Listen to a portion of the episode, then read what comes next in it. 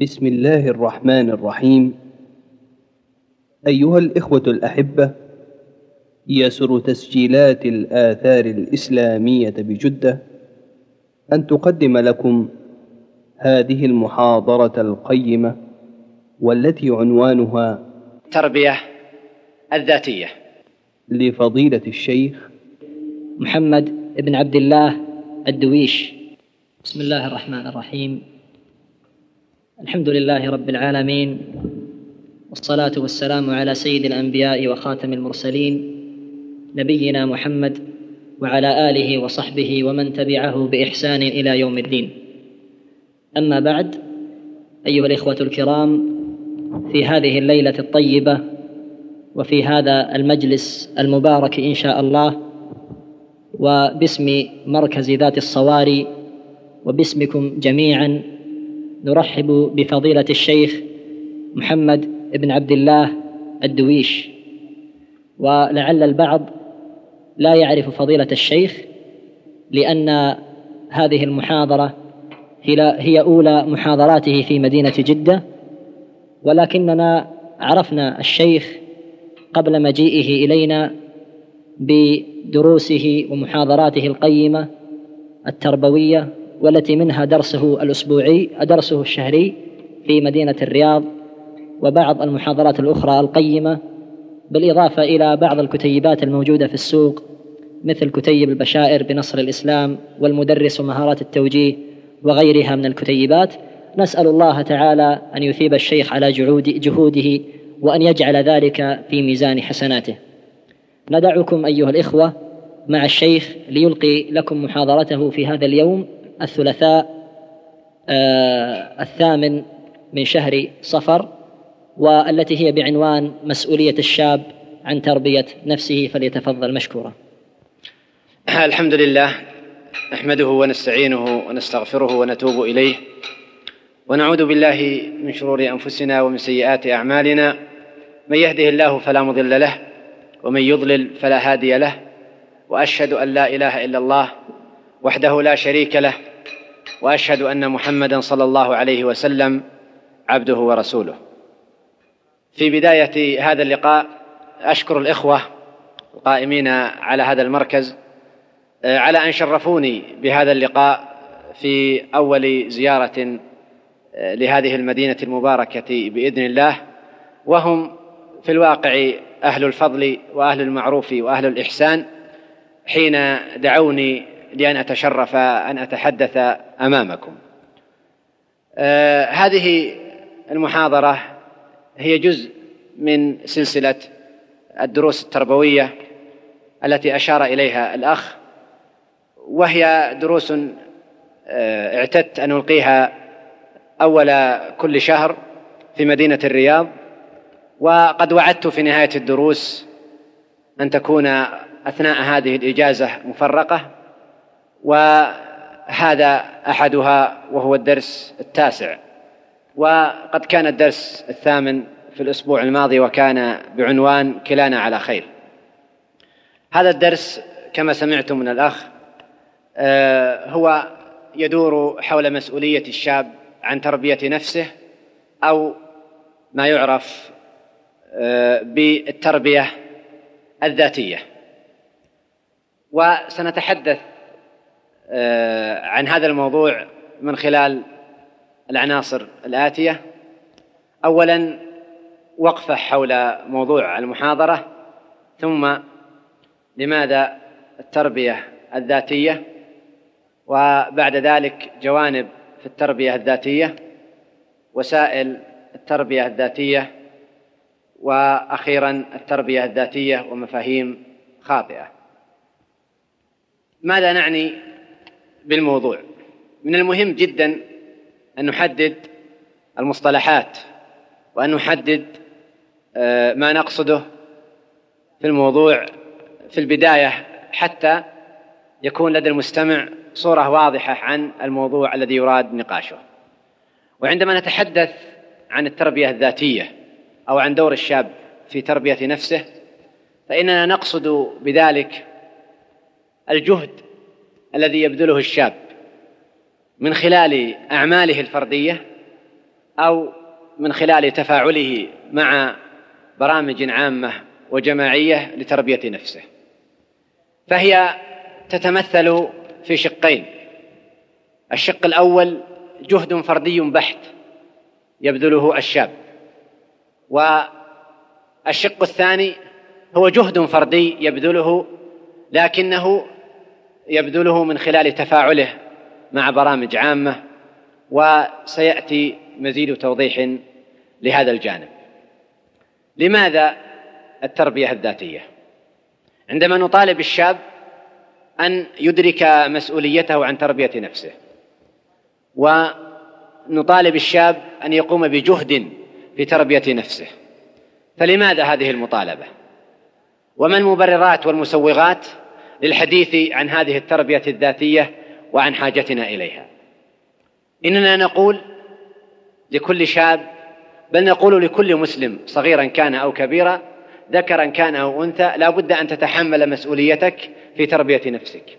ولا بد أن تقوم بجهد لتربية نفسك وإعدادها. فلماذا؟ وما بينتنا تجاه هذه الدعوة؟ اولا مبدأ المسؤولية الفردية للإنسان. فالمسلم بل كل إنسان على ظهر هذه الخليقة مسؤول مسؤولية فردية. يقول الله سبحانه وتعالى ولا تزر وازرة وزر أخرى وإن تدع مثقلة إلى حملها لا يحمل منه شيء ولو كان ذا قربى. ويقول سبحانه وتعالى كل نفس بما كسبت رهينة. إنك حينما تقرأ في نصوص القرآن الكريم أو نصوص السنة النبوية تجد التأكيد الواضح على هذه القضية على المسؤولية الفردية على أن كل فرد مسؤول مسؤولية خاصة عن نفسه.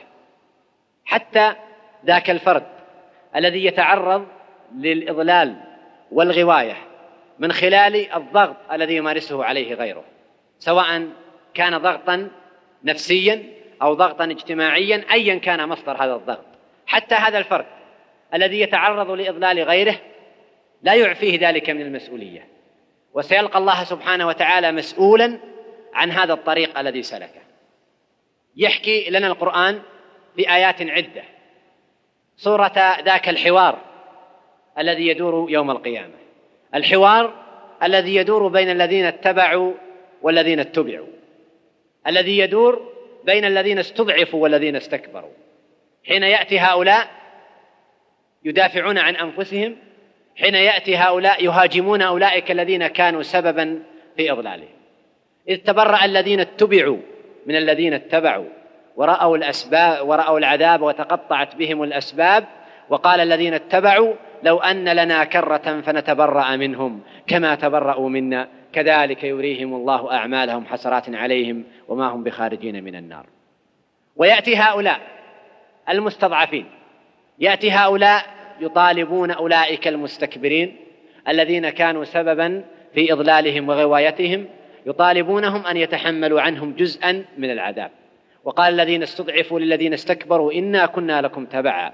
فهل أنتم مغنون عنا من عذاب الله من شيء؟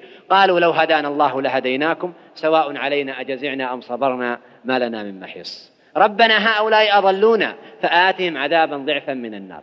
والآيات في ذلك كثيرة تقرؤونها جميعا في كتاب الله.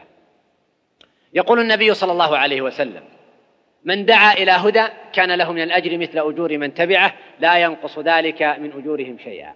ومن دعا إلى ضلاله وهذا هو الشاهد كان عليه من الإثم أو من الوزر مثل أوزار من تبعه لا ينقص ذلك من أوزارهم شيئا.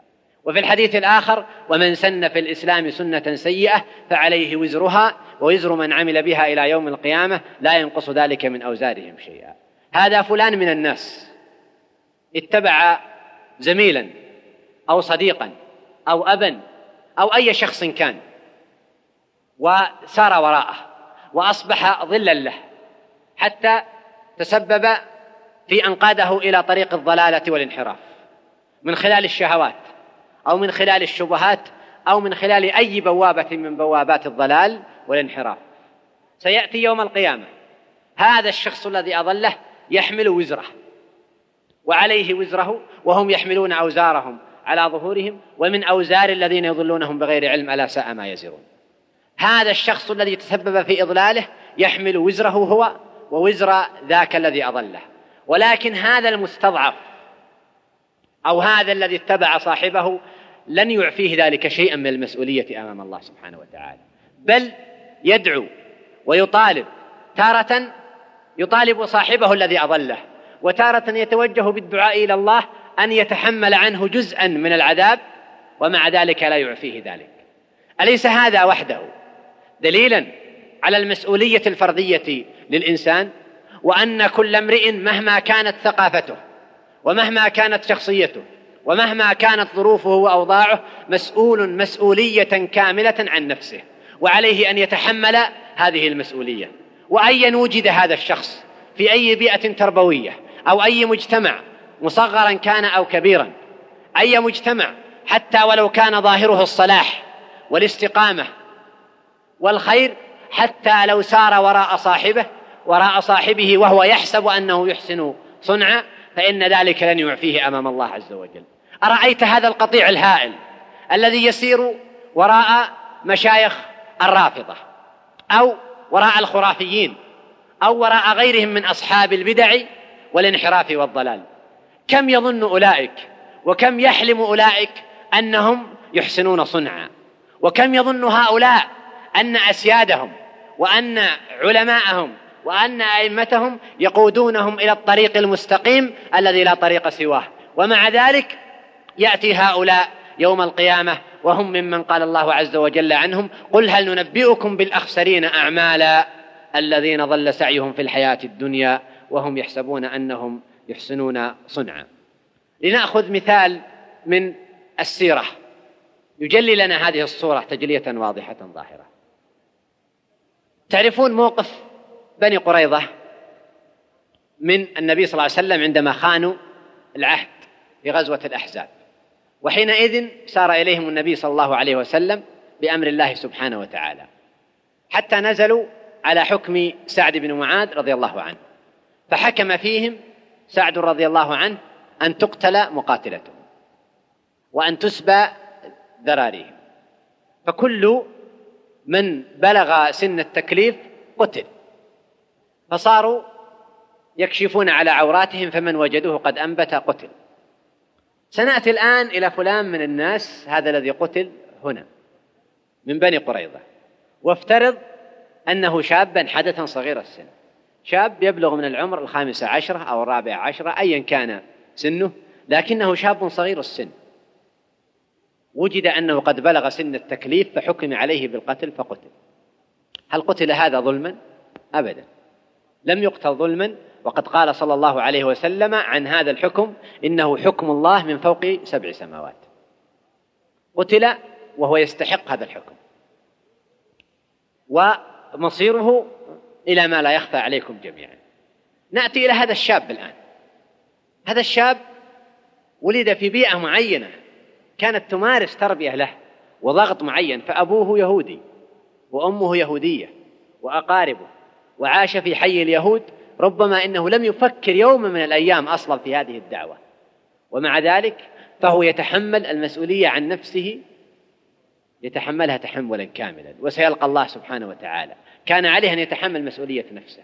كان عليه أن يبحث عن طريق الهداية وطريق الحق والخير. ولم يقتل ظلما. وما كان ربك ليظلم احدا سبحانه وتعالى.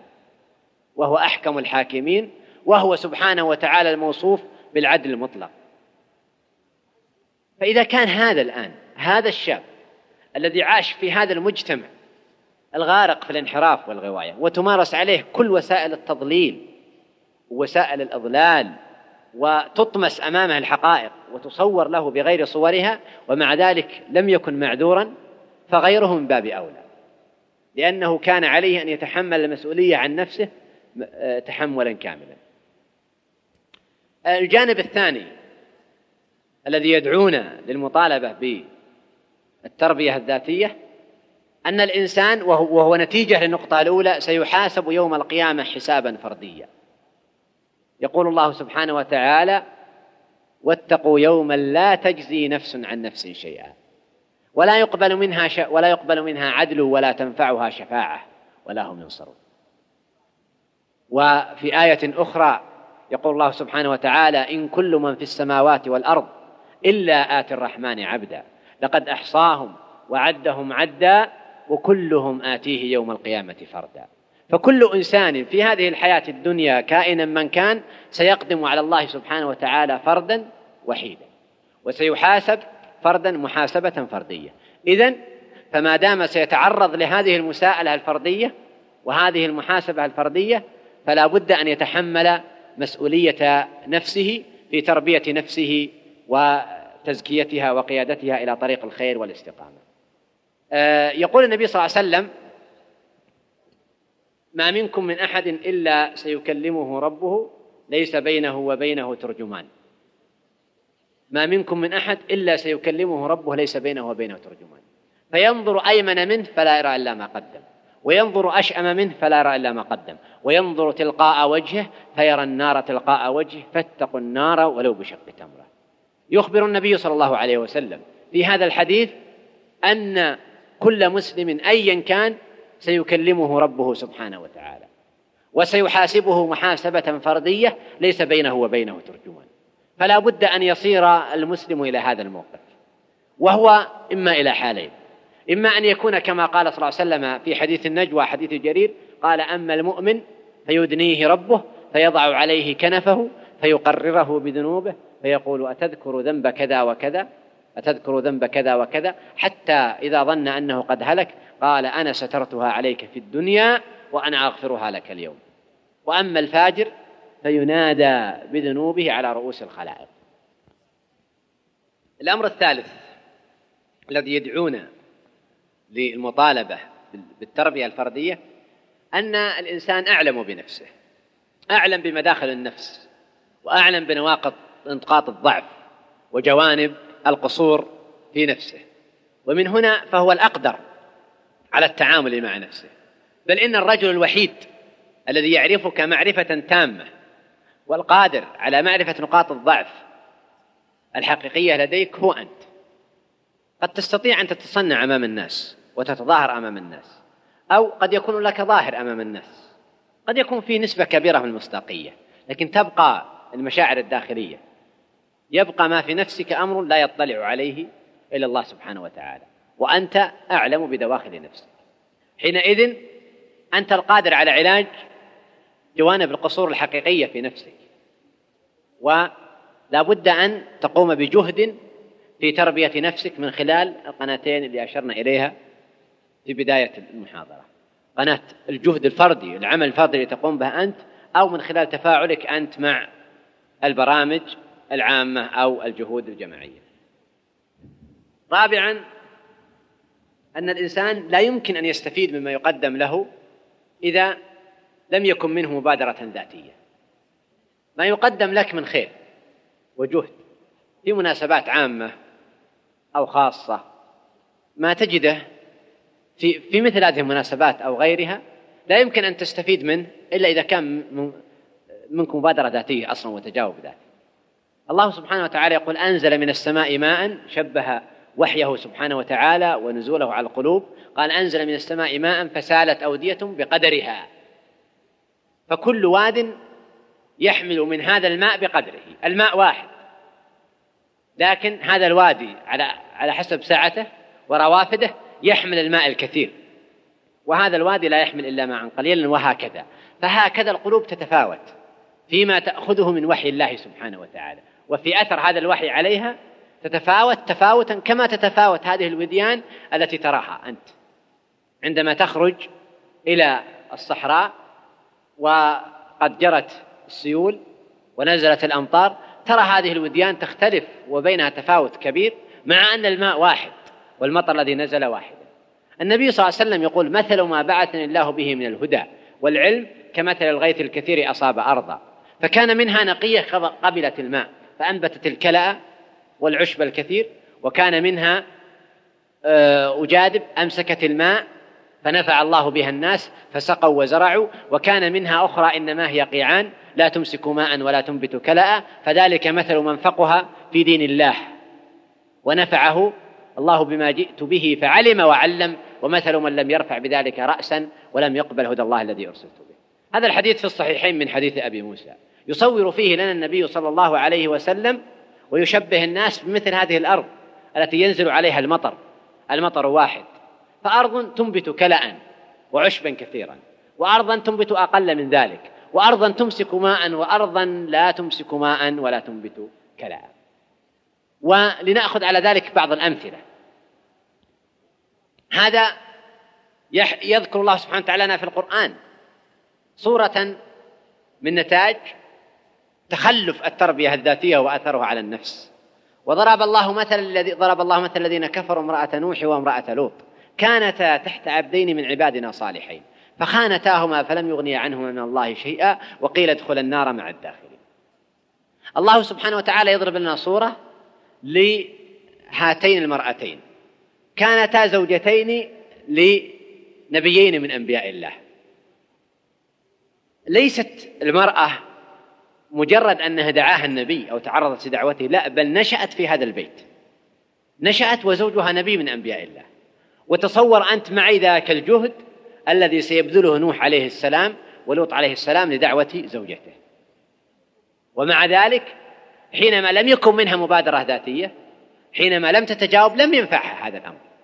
ولم ينفعها هذا الجهد. وما أظن إنسان سيتعرض لدعوة كما تتعرض له هاتين المرأتين. النبي صلى الله عليه وسلم عمه أبو طالب كم بذل صلى الله عليه وسلم من الجهد؟ حتى آخر فرصة عندما أتاه صلى الله عليه وسلم وهو في مرض الموت. ومع ذلك حينما لم يكن من أبي طالب مبادرة ذاتية ولم يكن منه جهد ما استفاد من هذا الجهد الذي بذل له. ونعطيك مثال لعله يكون أقرب لواقع الشباب. في عصر النبي صلى الله عليه وسلم كان هناك فئة من المنافقين. الذين كانوا يصلون مع النبي صلى الله عليه وسلم الجمعة ويشهدون معه مجالس الخير ويذهبون معه في السفر والإقامة يشهدون معه أحيانا بعض الغزوات يعيشون مع النبي صلى الله عليه وسلم في كل أحواله كما يعيش سائر أصحابه. فيتلقون من نفس القنوات التربوية التي كان يتلقى منها أصحاب النبي صلى الله عليه وسلم. بل لعل بعض المنافقين كان أكثر حضورا لمجالس النبي صلى الله عليه وسلم من بعض أصحاب النبي صلى الله عليه وسلم. ومع ذلك هل استفاد هؤلاء شيئا؟ ابدا. لماذا؟ لتخلف المبادرة الذاتية. فهو هنا يحضر خطبة الجمعة. يحضر الدرس الذي كان يجلس فيه النبي صلى الله عليه وسلم مع أصحابه. وكثيرا ما تقرأ أنت في سنة النبي صلى الله عليه وسلم. بينما رسول الله صلى الله عليه وسلم جالس مع أصحابه إذ أقبل رجل أعرابي فأناخ جمله. إذ أقبل رجل فبال في المسجد إذ أقبل. كل هذه المجالس كانت مجالس مجالس تربوية ومجالس إيمانية وحتما كان يحضر فيها بعض المنافقين. بل أقول إن بعض المنافقين كان أكثر حضورا لهذه المجالس ربما من غيره من أصحاب النبي صلى الله عليه وسلم الذي أسلم وأرسله النبي صلى الله عليه وسلم إلى قومه أو أسلم متأخرا أو غير ذلك. ومع هذا لم يستفد أولئك من هذه التربية. لماذا؟ لأنه لم يكن منه مبادرة ذاتية. إذا أنت هب أنك وجدت في مجتمع تربوي في القمة في بيت محافظ وجد وجدت تحت أستاذ أو شيخ اعتنى بك في جو من هذه الأجواء التي يمكن أن نصفها في أعلى قمة من الأجواء التربوية لا يمكن أن تستفيد إذا لم يكن منك أنت تجاوب أصلا. إذا لم يكن منك أنت مبادرة ذاتية. ومن هنا تأتي أهمية التربية الذاتية. نعم هذا الجو يساهم لا شك وله أثر في توجيهك وآثار كبيرة لا يمكن أن تغفل لكن أيضا هذا مشروط بتجاوبك أنت. إذا لم يكن منك أنت تجاوب لا يمكن أبدا أن تؤثر فيك هذه التربية. آه الأمر الخامس أن من خلال التربية الذاتية يستطيع الفرد أن يتجاوز سلبيات المربي.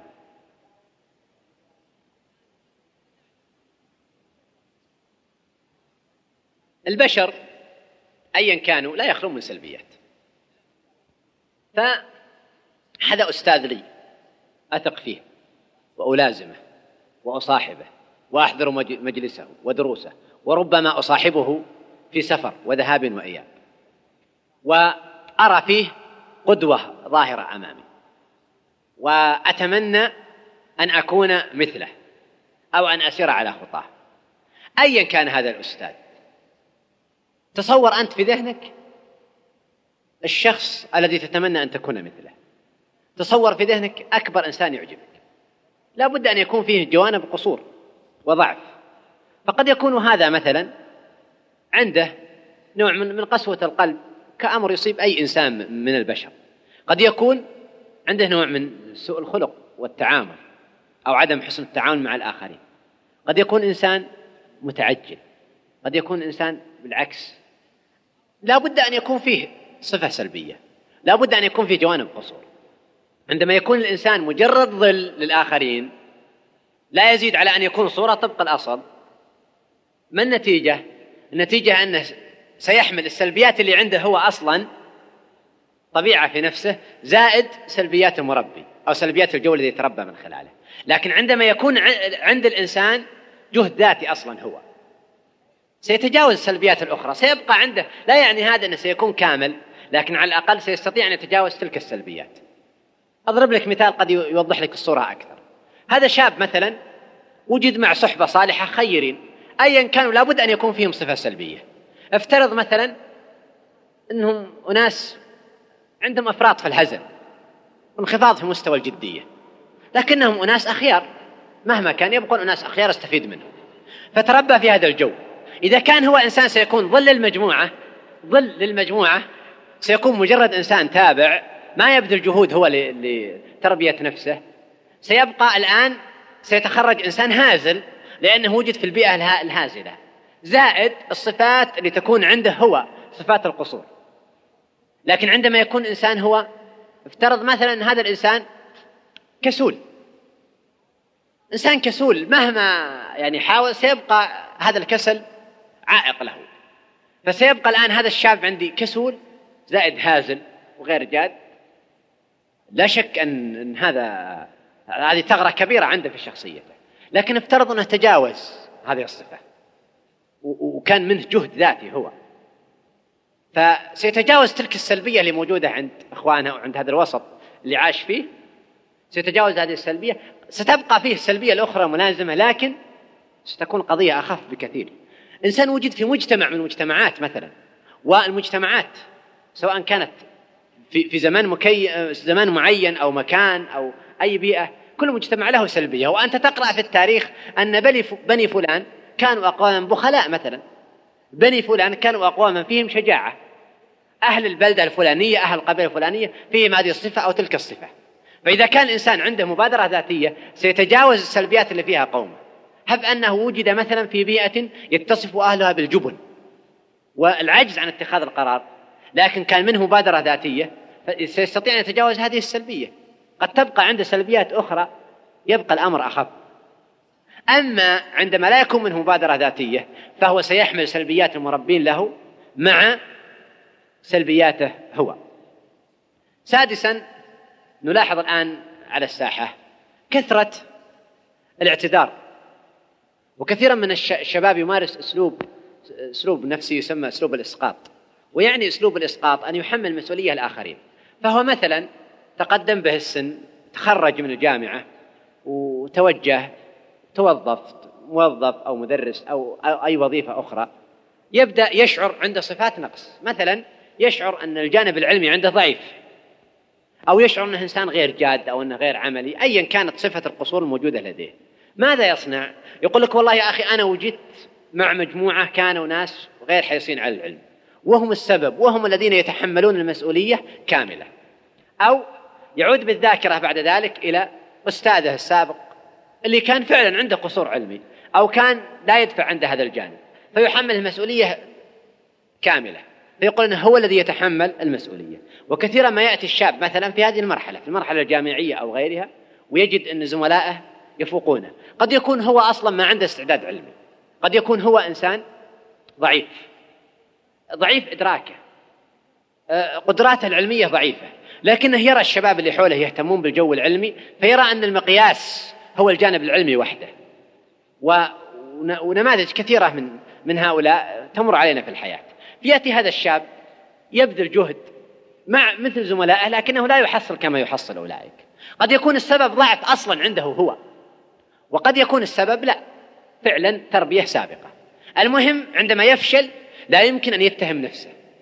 لا يمكن أن يتهم نفسه بالقصور أصلا الذاتي أو الإهمال والكسل. يعود إلى البيئة التربوية اللي عاشها. فوالده أو أستاذه أو الوسط اللي وجد فيه كان وسط لا يهتم بالجانب العلمي إذا فهو المسؤول عن هذا الخلل. وأينك أنت؟ ألست مسؤولا عن نفسك؟ أليس الله عز وجل يقول ولا تزر وازرة وزر أخرى؟ وإن تدعو مثقلة إلى حملها لا يحمل منه شيء. ألست ستحاسب أمام الله عز وجل؟ ألا يمكنك تفكر من الآن بمنطق آخر أنه لما يكون فيه ضعف في وسط أستاذ أو افترض مثلا والدي أو المجتمع كله اللي أنا أعيش فيه يوجهني وجهة معينة لأعيش مع هذا المجتمع وأكسب جوانب الخير فيه لكن يكون عندي مبادرة ذاتية وأتلافى جوانب القصور. وكثيرا ما تجد ممارسة أسلوب الإسقاط أو أسلوب التبرير أو غيرها من الأساليب ليحمل الشاب المسؤولية الآخرين آه، من جراء ضعفه وقصوره وأهماله ويبقى هو وحيدا لا يتحمل المسؤولية. لأجل هذا السلوك كان لابد من أن نؤكد على أهمية التربية الذاتية وأن نبادر من البداية حتى لا نحمل الآخرين المسؤولية. وهب أن الآخرين تحملوا المسؤولية. وهذا غير صحيح. لا يغني شيئا هذا عنك ولن ينفعك شيئا أبدا. آه سابعا نجد أيضا الوقوع في الإفراط والتفريط في هذه القضية. فما بين مثلا شاب تجده بالذات مثلا في المرحلة الجامعية أو في مرحلة التعليم عندما يكون أستاذا فيصبح يؤدي جهد هو للآخرين فيقوم بجهد للشباب من خلال مثلا درس يلقيه في المسجد خطبة في المسجد من خلال مشاركة في, في مثل هذا المركز الصيفي ولنأخذ هذا المركز الصيفي مثلا على سبيل المثال. فهو طالب في الجامعة أو أستاذ. سيكون بالطبع له مسؤولية داخل هذا المركز عن مجموعة من الطلبة ومجموعة من الشباب. وهذه المسؤولية ستحتم عليه أنه يبذل جهد هو لهم وسينفق جزء كبير جدا من وقته في تربية هؤلاء الشباب. آه، مما آه، يؤثر بالتالي على الجهد التربوي اللي كان يبذل المفروض أن يبذله لنفسه. فتجد هذا الشاب ينهك نفسه ووقته ويجعل المقياس الأول والأخير له هو هؤلاء الشباب اللي تحت يده. فيهمل نفسه إهمالا تاما فيفرط.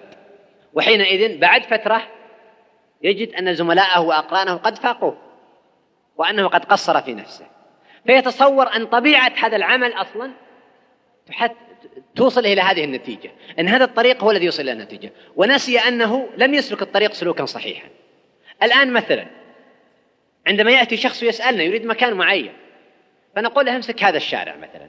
بعد أربع إشارات تأخذ اليمين ثم تسير. وبعد ذلك تأخذ اليسار. فوضعنا له صورة نحن في الطريق. ما سار على الطريق؟ مثلا كما وصف له. يتهم يتهمنا نحن. لأن لم ندل على الطريق الصحيح. أو يتصور أن سلوكه أصلا لهذا الطريق لم يكن يوصل المطلوب وينسى هو أنه لم يسلك الطريق سلوكا صحيحا. هذه صورة. صورة مقابلة ذاك الشاب اللي يرفض أن يقدم ويرفض أن يعمل ويرفض أن يعطي الآخرين من وقته بحجة أنه يريد أن يربي نفسه. وهذا أيضا هو الآخر خطأ. فلا بد من التوازن. لا بد من أن يقوم الشاب بمسؤوليته. فيخصص جزءا وجزءا نفيسا من وقته فيعلم غيره ويفيد غيره ويربي غيره ويساهم في حفظ وقت غيره. وأيضا مع ذلك لا ينسى حظ نفسه. فيعتني بتربية نفسه ويعتني بإصلاح نفسه وسيأتي الآن إشارة إلى شيء من هذا. نظرا لأننا نجد أن هناك خلل إما غلو إفراط وتفريط كان لابد من الحديث عن التربية الذاتية. بعد ذلك ننتقل إلى العنصر الثالث وهو بعنوان جوانب التربية الذاتية. سأشير إليها باختصار شديد لأني أنا عندما أتكلم عن هذه الجوانب بالتفصيل يعني هذا أني أتحدث عن التربية كلها جملة وتفصيلا وجانب واحد أصلا من جوانب التربية يحتاج إلى درس خاص أو محاضرة خاصة. الجانب الأول جانب الصلة بالله سبحانه وتعالى وهذا أهم جانب من الجوانب. من خلال عناية الإنسان بالفرائض أولا واجتناب المعاصي وثانيا استزادته من النوافل. استزادته من النوافل سواء النوافل الفعلية رواتب أو سنن ونوافل أو الورع الذي يتورع ويربي نفسه عليه عن معاصي الله سبحانه وتعالى. الورع عن الشبهات الورع عما اشتبه عليه. هذا جانب مهم من الجوانب. الجانب الثاني العلم الشرعي. وسائل تحصيله لا تخفى علينا. من خلال مثلا الدراسة النظامية من خلال مجالس العلم وحلق العلم في في المساجد في مثل هذه أيضا المراكز الصيفية تقام فيها دروس علمية وحلقات علمية. كذلك من خلال الجهد أيضا الفردي البحث اللي يبذله الشخص من خلال القراءة والاطلاع أو سماع الأشرطة العلمية والدروس العلمية. جانب ثالث مهم ونؤكد عليه التربية على العمل. ونستطيع نحن أن نقول أن التربية عبارة عن عن تدريب على رأس العمل. فمثلا أنت تأخذ معاني عامة. خذ على سبيل المثال لما يأتي إنسان الآن يريد أن يتعلم السباحة فلا يمكن أن نعطيه تعليمات نظرية مجردة ويجلس يحفظ فيها ويقرأ ثم يعقد لقاءات مع من يجيد السباحة وقد يعقد لقاءات مع أمهر السباحين لكنه لا يستغني عن الجهد العملي اللي يقوم به ويبدأ من الصفر من لا شيء. تعلم القيادة. عندما تحتاج أنت أن تتعلم قيادة السيارة لا يكفي أنك تقرأ كتاب عن فن قيادة السيارات. أو تسأل السائقين ماذا يصنع. صحيح هناك معلومات أولية نظرية مهمة تحتاج إليها لكن لابد من العمل والتدريب على رأس العمل. وهكذا. الخطيب المفوه العالم الشجاع الشخص اللي يعجبك في أي ميدان من الميادين إنما تعلم ودرب نفسه. فجانب إذا مهم من جوانب التربية العمل. هناك أعمال كثيرة وقدرات كثيرة لا يمكن يكتسبها الإنسان إلا من خلال التدريب العملي. كذلك القدرات والصفات الشخصية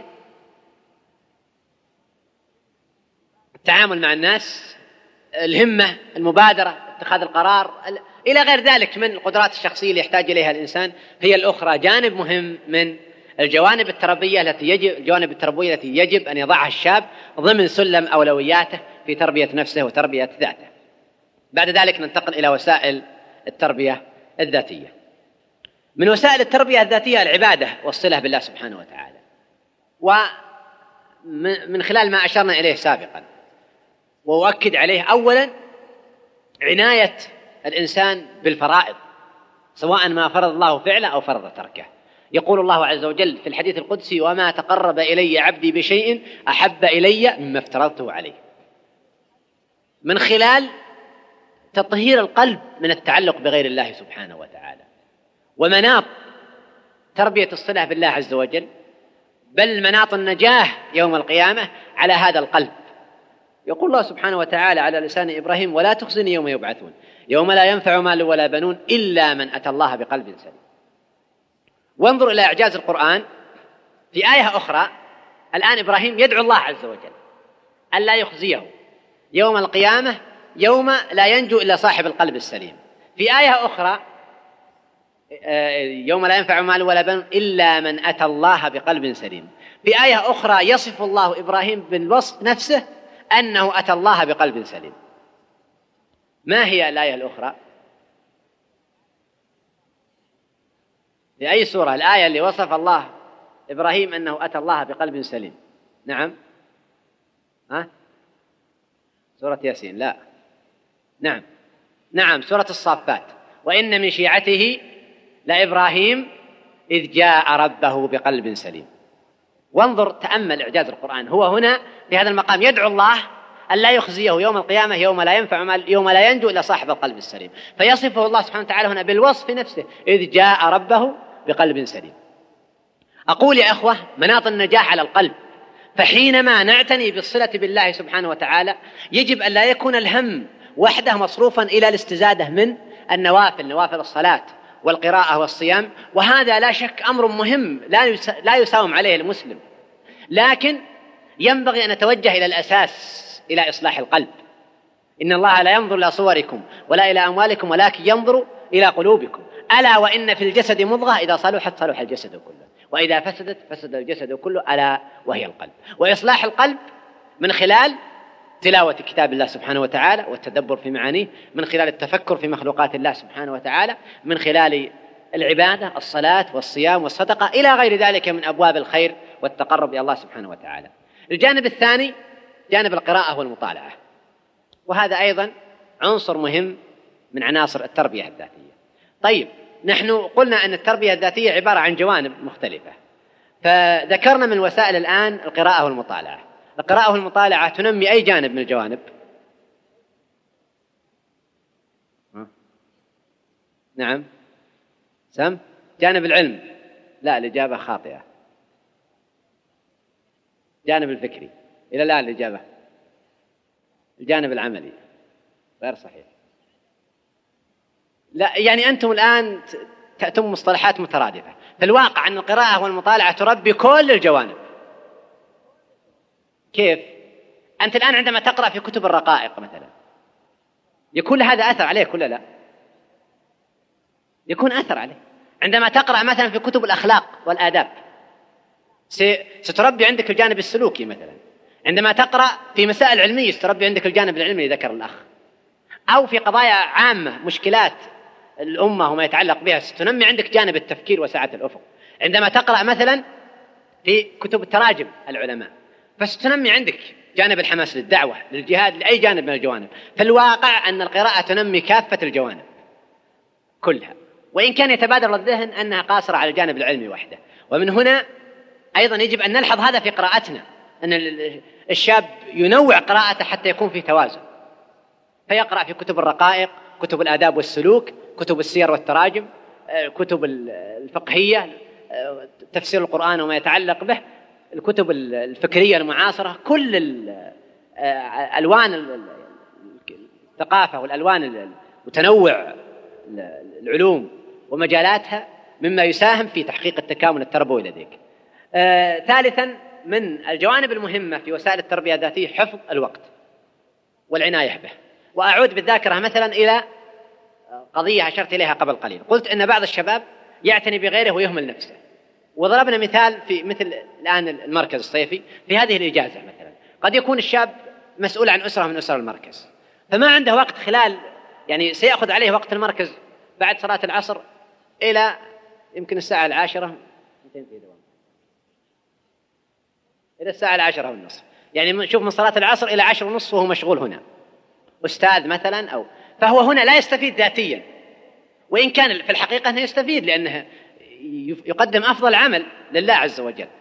لكن هو ما يستزيد. طيب يبقى بعد ذلك وقت. بعد صلاة الفجر إلى صلاة الظهر. هب أنه كان عنده نشاط آخر وقت الصباح لن يستغرق عليه وقته كله. وهكذا أثناء وقت الدراسة مثلا. تبقى أوقات كثيرة نهدرها سدى. إما يضيع الإنسان بالنوم أو الإفراط في الراحة أو هنا وهناك. فإذا نتوجه إلى هذا الشخص مثلا نقول ليس الحل أنك تترك جوانب الخير لكن سنجد حتما أن تبقى عندك أوقات آه لو لو كنت حريص على استغلال وقتك أنت لساهمت في في تربيتك. ومن هنا يحتاج الإنسان الذي يريد أن يربي نفسه إلى أن يتعود وأقول استغلال الوقت مهارة وقدرة. استغلال الوقت قدرة ومهارة بحاجة إلى أن يربي الإنسان نفسه عليها. وليست القضية مجرد قناعة من الإنسان أنه يستغل وقته؟ سيصل إلى حالة من استغلال الأمثل الوقت؟ لا. لابد أن يربي نفسه ويعود نفسه فيصبح قادر أنه يستغل هذا الوقت وخاصة الأوقات اليسيرة اللي ما يعبأ بها الإنسان. آه، جانب رابع التفاعل مع البرامج التربوية. الدرس العلمي المحاضرة خطبة الجمعة اللقاءات الجماعية إلى غير ذلك. يعني أنت مثلا تحضر محاضرة. الآن هذا عمل جماعي يمكن أن نسميه ويمكن نسميه تربية جماعية أو تحضر درس علمي أو لقاء أيا كان هذا البرنامج. أنت الآن هذا برنامج جماعي لكن لابد أن يكون من عندك مبادرة ذاتية بأن تتفاعل في التركيز أصلا واستيعاب الموضوع نظريا ثم في العمل بعد ذلك والتطبيق. أما إذا كنت مجرد تحضر بجسمك لن تستفيد. كحال أولئك عافانا الله وإياكم الذين كانوا يحضرون أعلى المجالس وأشرفها مجالس النبي صلى الله عليه وسلم ومع ذلك ما كانوا يستفيدون. ثم من خلال العمل. إذا أنا أؤكد يا شباب أنه ما يكفي أنك مجرد تحضر محاضرات أو تسمع أشرطة أو تحضر دروس أو حتى تشارك الشباب في أنشطتهم وفي برامجهم هذا وحده لا يكفي في تربيتك. إذا لم يكن أنت منك مبادرة أصلا من خلال التفاعل مع هذه البرامج واستيعاب ما يقدم لك ثم العمل والتطبيق لا يمكن أن تستفيد منها الفائدة المثلى. الأمر الخامس الجماعية. لا بد من الجماعية في التربية الذاتية. كيف؟ أقرأ لكم كلام للأستاذ محمد قطب. آه كلام جيد ذكره في في كتاب منهج التربية الإسلامية. ثم نوضح بعد ذلك الموضوع بصورة أشمل يقول وينبغي أن نذكر بصفة عامة أن التنمية النفسية الصحيحة لا تتم في كيان فرد يعيش بمفرده في عزلة عن الآخرين. وفي هذه الفترة بالذات هو يتحدث عن فترة الشباب الباكر. كيف يتدرب الشاب على الأخوة إذا لم يمارس الأخوة بمشاعرها الحقيقية مع الإخوة الذين يربطهم به هذا الرباط؟ كيف يتدرب على التعاون إذا لم يقم بهذا التعاون بالفعل مع أفراد آخرين؟ كيف يتعود أن يؤثر على نفسه إذا لم يكن هناك إلا نفسه؟ إن الوجود في جماعة هو الذي ينمي هذه المشاعر وهذه الألوان من السلوك والشاب الذي يعيش في عزلة عن الآخرين وإن حاول أن يستقيم على المنهج السليم تنمو بعض جوانب نفسه وتظل جوانب أخرى ضامرة لأنها لا تعمل. يعني قد يقول بعض الشباب أنه ما دمت تطالب بالتربية الذاتية إذن علي أن أنعزل لوحدي لأهتم بتربية نفسي. نقول لا غير صحيح.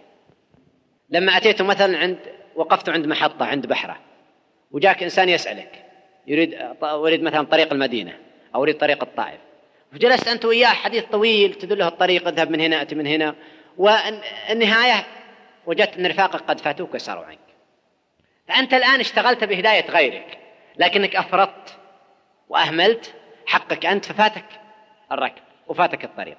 أو أنت ذاهب إلى المطار مثلا لقيك إنسان واستوقفك جلست تدله وعلى الطريق وأين يسلك؟ وربما ترسم له خارطة إلى غير ذلك حتى فاتك الرحلة.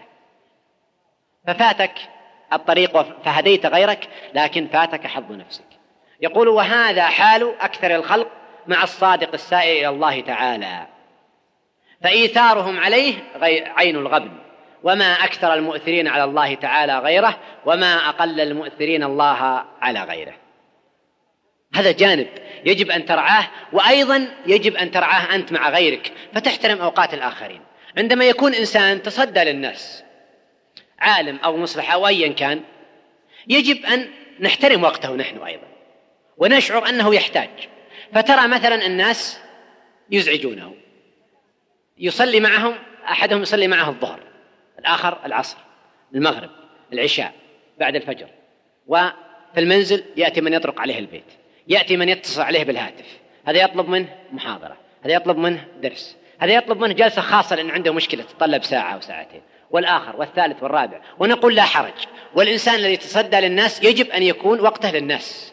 ويشعر بأنه ما عاد يملك وقته كله. لكن أيضا عندما يعتذر عن الإجابة على مكالمة هاتفية.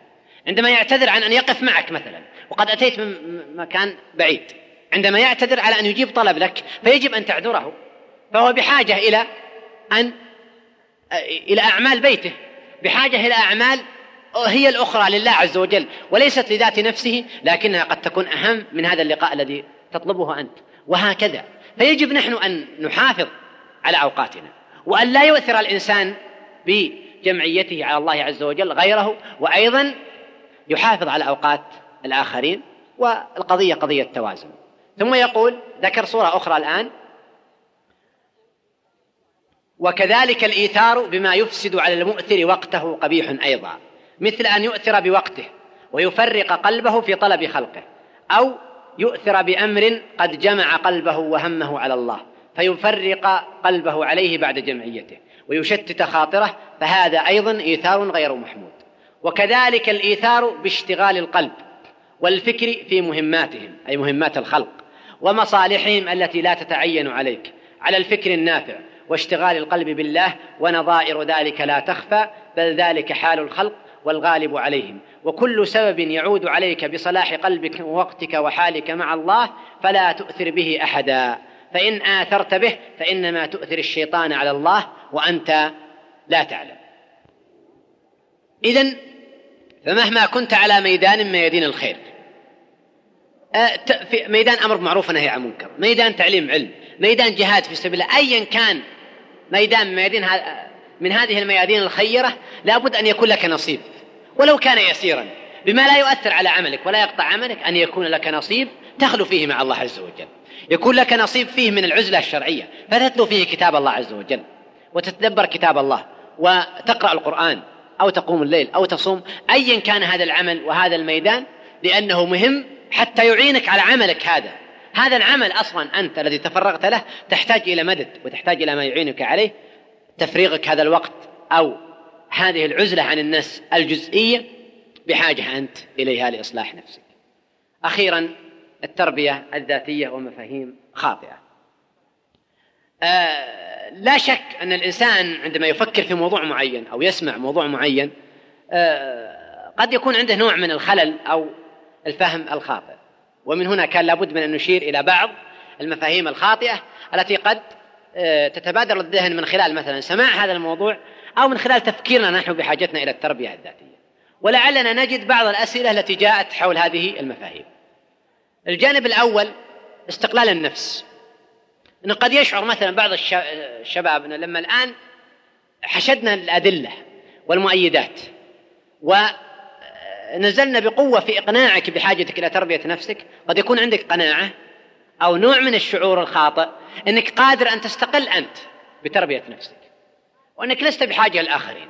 أنه يقول الشاب ما دمت أنا أدرك عيوبي أكثر وما دمت مسؤول مسؤولية فردية وإلى غير ذلك إذا أنا لست بحاجة للآخرين لست بحاجة مثلا إلى أن أحضر مجالس العلم فبإمكاني أن أقرأ الكتب وأسمع الأشرطة.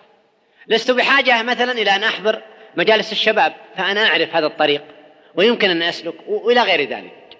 هذا خطأ. فالناس بحاجة إلى التعليم بحاجة إلى التربية وقديما قيل من كان أستاذه كتابه فخطأه أكثر من صوابه. فمن أراد أن يتعلم العلم مثلا من خلال الكتب وحدها لا يمكن أن يحصل. ولا بد أن يخرج لنا بطوام وهوام. من أراد أن يربي نفسه في هذا المجتمع الآن وهذا العصر. الشاب الذي يريد أن يستقيم على طاعة الله عز وجل في وسط هذا الزخم الهائل من المغريات والشهوات والفتن التي قد نتحدث عن شيء منها في محاضرة الغد إن شاء الله. في هذا الوسط عندما يتصور الشاب أنه يستطيع أن يستقل بنفسه أيضا هذا وهم كاذب. فلا بد له من رفقة صالحة يعينونه على طاعة الله. النبي صلى الله عليه وسلم كان كما يقول عنه ابن عباس أجود الناس بالخير وكان أجود ما يكون في رمضان حين يلقاه جبريل. فلا رسول الله صلى الله عليه وسلم حين يلقاه جبريل أجود بالخير من الريح المرسلة. فإذا كان الرسول صلى الله عليه وسلم يستفيد من لقائه بجبريل وهو صلى الله عليه وسلم أفضل الخلق فغيره من باب أولى. ومن لطائف فوائد هذا الحديث أو مما أخذ منه العلماء أثر الجليس الصالح. قالوا إن النبي صلى الله عليه وسلم هنا يستفيد من الجليس الصالح. إذن فحديثنا عن التربية الذاتية وأهميتها لا يعني وأهميتها لا يعني إطلاقا استقلال الشاب. استقلاله واستغناءه عن مربي أكبر منه سنا وعلما وقدرة. استقلاله عن وسط من الأقران والزملاء الذين يعيش معهم ويقضي جزءا من وقته معهم لا يمكن أن يستغني عن هذا الوسط الجماعي. من خلال هاتين القناتين شخص اللي أعلى منه ويستفيد منه ويتلقى منه أو من خلال أقرانه الذين يعيش معهم فيستفيد منهم فيرى عند فلان جانب خير ويرى عند الآخر جانب خير آخر فيعين فلان ويعينه فلان وهكذا يأخذ بعضهم في يد بعض إلى طريق الخير والاستقامة. فمع تأكيدنا على التربية الذاتية وأهميتها فنحن نؤكد أيضا على الجماعية كما ذكرنا أن من وسائل التربية الذاتية الجماعية. وذكرنا أيضا أن الإنسان اللي يعيش في وسط فردي بحت يخرج عندنا إنسان نشاز. إنسان شاذ في تفكيره وسلوكه وأخلاقه وعادة يظهر أثر هذا الإنسان مباشرة لما تجلس معه تعرف أن الإنسان لا يخالط الآخرين ولا يعيش مع الآخرين. آه الجانب الثاني من المفاهيم المغلوطة آه التفريط بالأعمال العامة بحجة تربية النفس. فالبعض من الناس يتفرغ أو يقول أريد أن أتفرغ لأجل أن أربي نفسي وأتعلم وأستزيد من العلم ثم بعد ذلك يمكن أن أقوم بالدعوة إلى الله عز وجل. أقول أولا أن الواقع الآن الذي تعيشه الأمة الإسلامية والذي تعيشه المجتمعات لا يسمح لنا بهذا التأخر وهذا التباطؤ وأهل الشر يبذلون جهودا كثيرة مضنية. وهب الآن أننا قلنا للشباب جميعا يجب أن تتفرغوا للعلم وحفظ القرآن. والإبداع فيه والنبوغ فيه ثم تنزلون بعد ذلك إلى الميدان. من سيحتضن هؤلاء الشباب؟ ومن سيتولى تربيتهم وإعدادهم؟ إن لم يقم هذا الأخ بتفريغ وقته ونفيس وقته ليصرفه لأولئك الشباب أو يقوم الآخر بأن ينكر المنكرات العامة أو يقوم الثالث بأن ينفق على المحتاجين آه، والضعفاء أو أن يقوم الرابع بالجهاد في سبيل الله أو الثالث بالسفر إلى هنا وهناك إن لم يقم هؤلاء جميعا بهذه الجهود فمن لأولئك؟ هذا جانب مهم. الجانب الثاني أنه ليس صحيحا أبدا أن الشاب سيتفرغ لإعداد نفسه ثم حينما يتخرج يصبح بعد ذلك مؤهلا تأهيلا كاملا للدعوة إلى الله عز وجل. إن هذا الشاب الذي تفرغ عندما يتخرج بعد ذلك سيحتاج إلى طريقة معينة للتعامل مع وقته إلى تضحية معينة إلى أمور لم يكن اعتاد عليها فيصبح من الصعب عليه جدا أن يعمل هذا هذه الأعمال. يصبح إنسان كما ذكرنا قبل قليل لا يعرف أن يتعامل مع الآخرين لم يعرف المشكلات لم يعرف كيف يواجهها. فأرأيت نبيا من أنبياء الله عاتبه الله عز وجل أن تفرغ للعبادة وترك وظيفته ألا وهي الحكم بين الناس. من هو؟ داود. وهل أتاك نبأ الخصم تسوروا المحراب؟ إذ دخلوا على داود فزع منهم. قالوا لا تخف خصمان بغى بعضنا على بعض. ثم في نهاية الآية قال الله عز وجل فظن داود أن ما فتناه فاستغفر ربه وخر راكعا وأناب. فغفرنا له ذلك وإن له عندنا زلفى وحسن مآب. لا بد أن داود هنا استغفر من أمر. هب أنه كان ترك الأولى. أقل الدرجات. لكنه استغفر من أمر. على الأقل ترك الأولى. ما هو هذا الأمر؟ المفسرين أقوال كثيرة منها ومن أظهرها أنه تفرغ للعبادة وترك الحكم بين الناس الذي هو من وظيفته. ولهذا عقبت الآية يا داود إنا جعلناك خليفة في الأرض. والنبي صلى الله عليه وسلم كم تصدى للناس حتى أثر ذلك على عبادته صلى الله عليه وسلم. فكان في آخر حياته يصلي جالسا كما تقول عائشة بعدما حطمه الناس. وهكذا المصلحين والعلماء وغيرهم من الناس الذين تصدوا لدعوة الناس. من المفاهيم المغلوطة العكس أيضا وأشرنا إليه قبل قليل إهمال آه، التربية الذاتية بحجة الانشغال بالأعمال العامة فيجب أن يكون عند الإنسان توازن. بعد ذلك نعود الإجابة على الأسئلة أه، ولعلنا نختصر قدر الإمكان حتى نجيب على أكبر قدر ممكن من الأسئلة. يقول هل معنى هذا التربية الفردية وأن الإنسان سيحاسب لوحده أن نترك الناس وشأنهم؟ يظن بعض الناس أن التربية الذاتية هي أن يعتزل الناس ويجلس في صومعة ليتفرغ لتربية نفسه. فهل من توجيه بخصوص هذا الموضوع؟ بعض الناس ينصرفون للتربية الفردية وينسون تربيتهم مع الجماعة فيقعون بذلك في أخطاء كثيرة منها مثلا عدم المنهجية في التربية فما تعليق فضيلتكم على ذلك؟ وجزاكم الله خيرا. سبق أن أجبنا على هذه الأسئلة وكما قلت لكم أن هذه من المفاهيم المغلوطة التي قد تبدو للذهن عندما يطرق مثل هذا الموضوع. يقول البعض من الشباب يظن أن التربية الفردية تكون في بداية الالتزام فما رأيك في هذا المفهوم؟ هذا غير صحيح. غير صحيح ابدا. الإنسان يحتاج في كل الجوانب التربوية إلى أن يبذل حتى الجانب العلمي. الإمام أحمد له عبارة مشهورة وقد كبر سنه ورق عظمه عندما سئل إلى متى وأنت تتعلم؟ قال من المحبرة مع المحبرة إلى المقبرة. حتى الجانب العلمي العالم الذي يقتدي الناس به والذي أصبح إماما هو الآخر يحتاج إلى أن يتعلم ويزداد علما. فليس صحيحا أن التربية مرحلة محددة وبعد ذلك يستغني الإنسان عنها بل لا بد من. من... من أن يجاهد الإنسان. فيربي نفسه حتى يخرج من هذه الدنيا. بعض الشباب يتجهون إلى طلب العلم عند المشايخ ويتركون المحاضن التربوية التي تمارس فيها التربية الجماعية. فكيف يستطيع أولئك الحصول على التربية؟ وهل منهجهم هذا صحيح؟ يعني لماذا نحن نفترض التناقض؟ لماذا نفترض أنه ما في مجال أمامك إلا هذا المجال أو ذاك؟ لماذا لا نفترض مثلا أنه يمكن أن يجمع الإنسان بين الأمرين؟ وهذا أمر ممكن فيمكن أن يكون له دروس فيحضر فيها مثلا درس في الأسبوع أو درسين أو ثلاثة دروس ويكون له جهود أخرى وبرامج أخرى يمكن أن يؤديها. ثم داخل هذه الدائرة أيضا هذا الخط العام الذي نطالب به الجميع نطالب الجميع أن يكون لهم جهد في تعلم العلم الشرعي والعناية به والحرص عليه وجهد في إنكار المنكرات وجهد عام. ثم بجانب آخر في زاوية أخص قد يأتينا خواص من الناس مثلا شباب عندهم نبوغ وتوجه للعلم وحرص عليه نقول يجب أن تفرغوا أنتم الجزء المهم من وقتكم للعناية بالعلم الشرعي. والآخر نقول فرغ الجزء من وقتك في إنكار المنكرات مثلا ولو كان على حساب تحصيلك العلم الشرعي. والثالث كذلك آه، مع تحصيل القدر العام الذي يجب أن يحصله الجميع. وسبق أن تكلمت عن هذه النقطة في الدرس السابق وهو بعنوان كلانا على خير فيمكن الأخ أن يرجع إليه. آه، يقول السلام عليكم ورحمة الله وبركاته. وبعد أنا شاب قد فرض علي بيئة غير صالحة. المفروض فرضت علي بيئة غير صالحة نسبيا. والسؤال هو كيف أستطيع أن أحافظ على ديني؟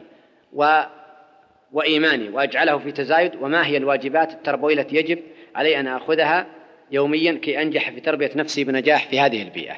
أنا سأضرب لك مثال في إنسان وجد في أسوأ بيئة أو من نماذج بل الأصح وجد في أسوأ بيئة ومع ذلك استطاعت أن تتجاوز هذا المستنقع الذي عاشت فيه. الآن لو قلنا فلان من الناس طاغية مثلا فسنشبه بأطغى الناس. من أطغى الناس في التاريخ؟ فرعون. حتى كان أبو جهل يقال له فرعون هذه الأمة. طيب فرعون امرأة فرعون. الآية نفسها التي ذكر قال وضرب الله مثل الذين آمنوا. بعد الآية اللي قرأت لكم وضرب الله مثل الذين آمنوا امرأة فرعون. إذ قالت رب ابن لي عندك بيتا في الجنة. أنا ما أتصور أنك ستجد ستوجد في بيئة أسوأ من من بيئة فرعون. ومع ذلك استطاعت هذه المرأة أن تثبت وقالت رب ابن لي عندك بيتا في الجنة ونجني من فرعون وعمله ونجني من القوم الظالمين. ووصفها النبي صلى الله عليه وسلم بأنها من خير النساء. هذا نموذج. وأصحاب النبي صلى الله عليه وسلم أنتم جميعا تقرؤون قصص أصحاب النبي صلى الله عليه وسلم. الكثير منهم عاش في وسط يأطر على الضلال والكفر ومع ذلك استطاع أن يجتاز هذا الأمر. أقول باختصار في توصيات مهمة لمن يعيش في هذا الوسط. أولا أن يكون لك حرص وعناية بالجهد الذاتي يعني الصلاة والقراءة وغيرها فأنت أحوج منها وكل الناس يحتاجون إليها لكن أنت بالذات أحوج إلى هذا.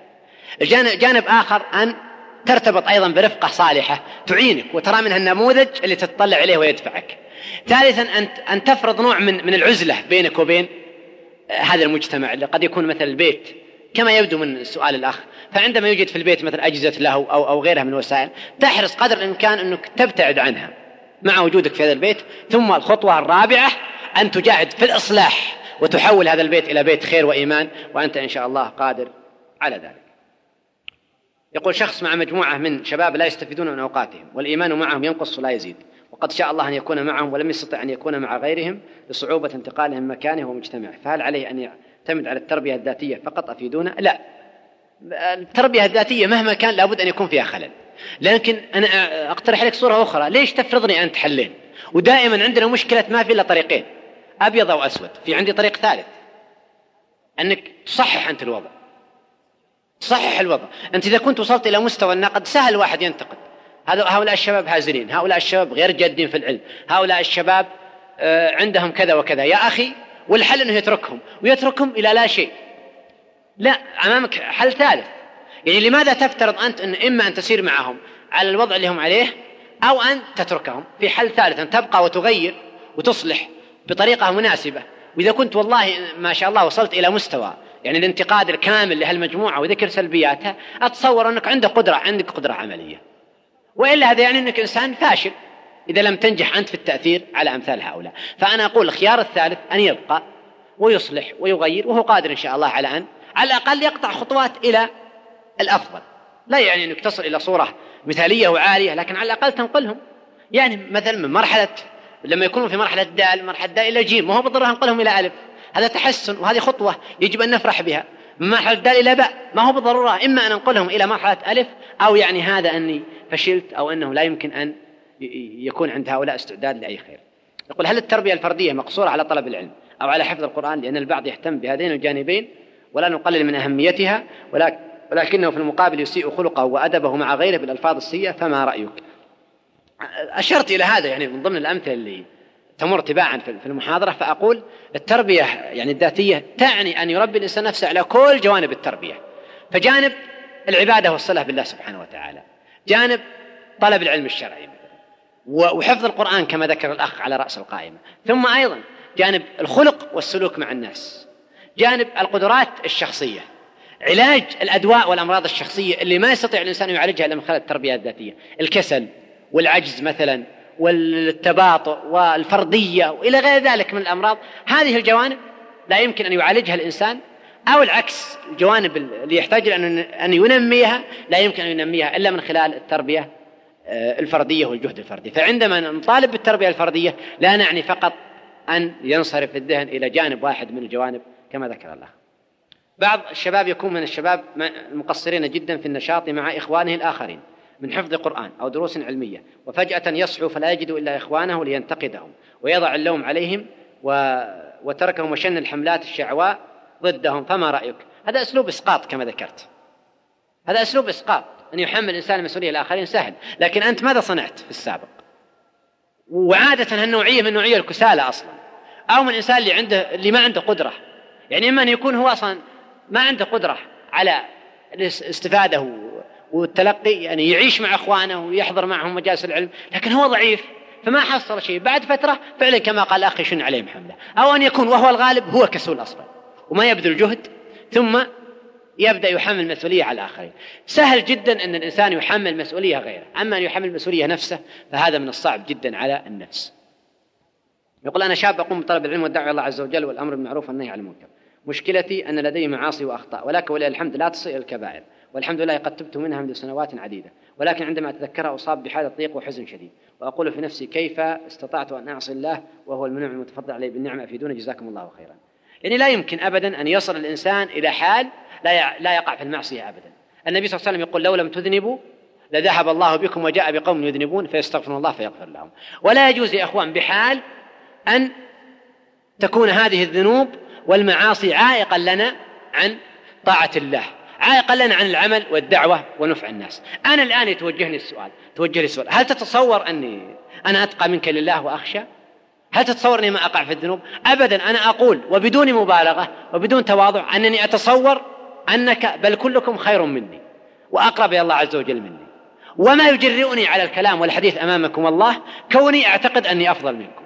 وما أنا بعمل أرجى منه عند الله عز وجل من دعوة صالحة من رجل أحسبه أنه خير مني عند الله وأتقى مني لله عز وجل قدمت له موعظة أو كلمة نفعه, نفعه الله بها فدعا لي الله سبحانه وتعالى. ولو ولو كنا سنشعر بهذا الشعور لكنت أنا لا أجيبك على هذا السؤال لأني أشعر أنا أني أعاني من مشكلة أكثر مما تعاني منها أنت أصلا. يقول إني أحبك حبا صادقا في الله منذ أن سمعت صوتك من خلال الجهاز أقول أنا شاب أرى أنني في خلوتي وانفرادي أقوى إيمانا مع الجماعة لأنني أكثر معهم المزاح وضياع الوقت فماذا أفعل؟ أترك الجماعة؟ لا. أولا أحبك الله كما أحببتنا فيه لكن نقول أولا لا تترك الجماعة. وهذا من أساليب الشيطان لأن النبي صلى الله عليه وسلم يقول الشيطان يهم بالواحد وهو من الاثنين أبعد ويهم بالاثنين وهو من الثلاثة أبعد. ويقول صلى الله عليه وسلم الراكب شيطان والراكبان شيطانان والثلاثة ركب. فالشيطان يهم بك. نعم أنت الآن أقوى لكن تنسى أن الجماعة لا أثر عليك. عندما تنعزل تبقى بعد فترة تضعف تضعف حتى قد يؤدي بك إلى الانحراف والضلال. عافانا الله وإياكم. فمن الخطأ أن يترك الشاب زملائه خاصة في المرحلة هذه وفي هذا العصر اللي تكثر فيه على الشاب المغريات. ثم صحح الوضع. لماذا أنت مرة أخرى أقول لماذا تفترض؟ طريقين لا ثالث لهما. استمر على ما أنت عليه من الخير والعبادة والطاعة ورفقتك وحاول أن تصحح من وضعك مع رفقتك. وحتى لو كنت تشعر بنوع من الضعف يجب ألا تترك هؤلاء الرفقة. فقد تكون أنت خيرهم. قد ينفعهم الله عز وجل بوجودك معهم. وقد تكون سبب في في دعوتهم والتأثير عليهم. شاب ملتزم لكن تفوت صلاة الفجر أياما عديدة وحتى حتى لو نام آه، مبكرا. فهل تجد له رخصة؟ يعني افترض أني قلت لك رخصة. تقبل الرخصة هذه؟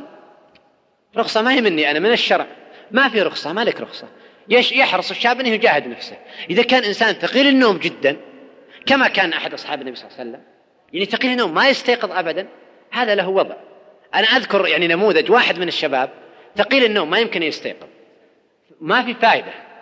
قال ما لي حل إلا أنام في المسجد. نام في المسجد في وسط الروضة. جاءوا الناس أو أيقظوه ما استيقظ. حملوه إلى سرحة المسجد ووضعوه في الخارج. وصلوا الفجر وخرجوا من الصلاة ما أيقظه إلا حر الشمس. هذه طبعا صورة شاذة ونادرة لكن هذا إنسان معذور. لكن الإنسان اللي مثلا يستيقظ ثم يقول إن شاء الله بقوم بعد قليل ويعود الفراش. هذا إنسان لا ما هو ثقيل النوم. أو الإنسان اللي يتعمد النوم متأخر لا. في حرص الإنسان أنه يسلك أسباب الاستيقاظ النوم مبكر. عدم يعني الإكثار من طعام العشاء لأنه يسبب في ثقل الإنسان. الوتر الدعاء الأدعية عند النوم النوم على شق الأيمن إلى غير ذلك ويجاهد نفسه. ثم لو جاهد نفسه وما استطاع أن يستيقظ فهو معذور لأن النبي صلى الله عليه وسلم يقول رفع القلم عن ثلاثة النائم حتى يستيقظ. لكن عندما يبدو الإنسان الجهد. يقول السؤال الأخير أنا شاب في بداية الالتزام منذ أسبوع تقريبا فما نصيحتك التي توجهها لي وجزاك الله خيرا. أه سبق أن ألقيت محاضرة لكن حول هذا الموضوع بالذات بعنوان ماذا بعد الهداية. أه لكن يبدو ما نزلت في التسجيلات ولهذا يعني في النية إن شاء الله أن أعيد إلقائها مرة أخرى حتى يتمكن الأخ وغيره من الإجابة على هذا السؤال. لأن في الواقع هناك تساؤلات كثيرة يطرحها الشاب اللي في بداية الالتزام. كيف يتعامل مع الماضي؟ كيف يتعامل مع رفاقه وزملائه السابقين. قضايا كثيرة وأسئلة كثيرة يطرحها بحاجة إلى أن نجيب عليها. في ختام هذه المحاضرة أكرر شكري للإخوة الذين شرفوني بهذا اللقاء وأسأل الله سبحانه وتعالى أن أكون عند حسن ظنهم وأسأل الله سبحانه وتعالى أن يرزقنا وإياكم العلم النافع والعمل الصالح. هذا والله أعلم وصلى الله وسلم على نبينا محمد وسبحانك اللهم وبحمدك أشهد أن لا إله إلا أنت أستغفرك وأتوب إليك. مع تحيات تسجيلات العقيدة الإسلامية. هاتف رقم 687 9919